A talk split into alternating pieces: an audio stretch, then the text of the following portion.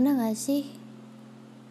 Kamu pengen ngasih semua yang kamu punya ke orang yang kamu sayang. Entah itu waktu, materi, atau apa pun itu deh. Soalnya kamu sayang banget sama dia. Karena emang cuma dia, nggak ada yang lain. Sekarang ini Aku baru berada di situasi di mana lingkungan sangat membatasi pergerakan. Sedih, iya pasti. Karena perasaan sayang sama doi itu tadi, jadi aku memilih buat mengorbankan semuanya demi dia, demi bahagianya dia. Ya memang, itu jadi kebahagiaan tersendiri juga buat aku, di mana sampai sekarang dia masih stay buat aku. Masih ada terus buat aku. Dan aku happy juga. Happy dan sedih di saat yang bersamaan. Karena aku overthink scared. Takut kira-kira dia bakalan ngerti keadaanku atau enggak ya. Jujur aku mencintai dia.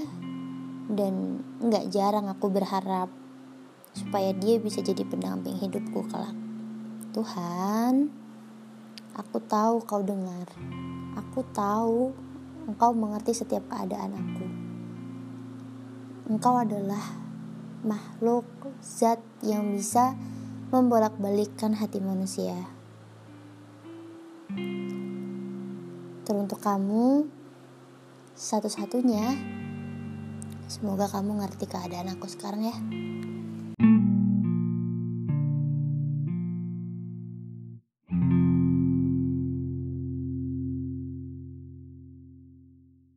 Halo teman-temanku semuanya, barusan itu tadi adalah salah satu skrip dari teman kita yaitu Ed Kristianada. Jadi Mbak Nada itu punya sebuah skrip yang mau disuarakan sama Winzif dan hasilnya kurang lebih kayak itu tadi.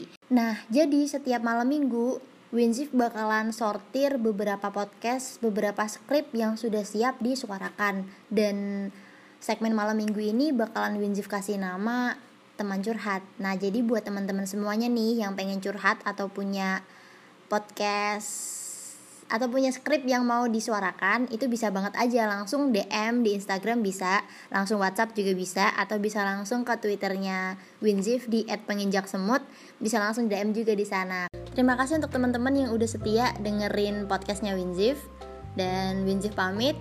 See you and bye bye. See you next time. Ditunggu skripnya teman-teman.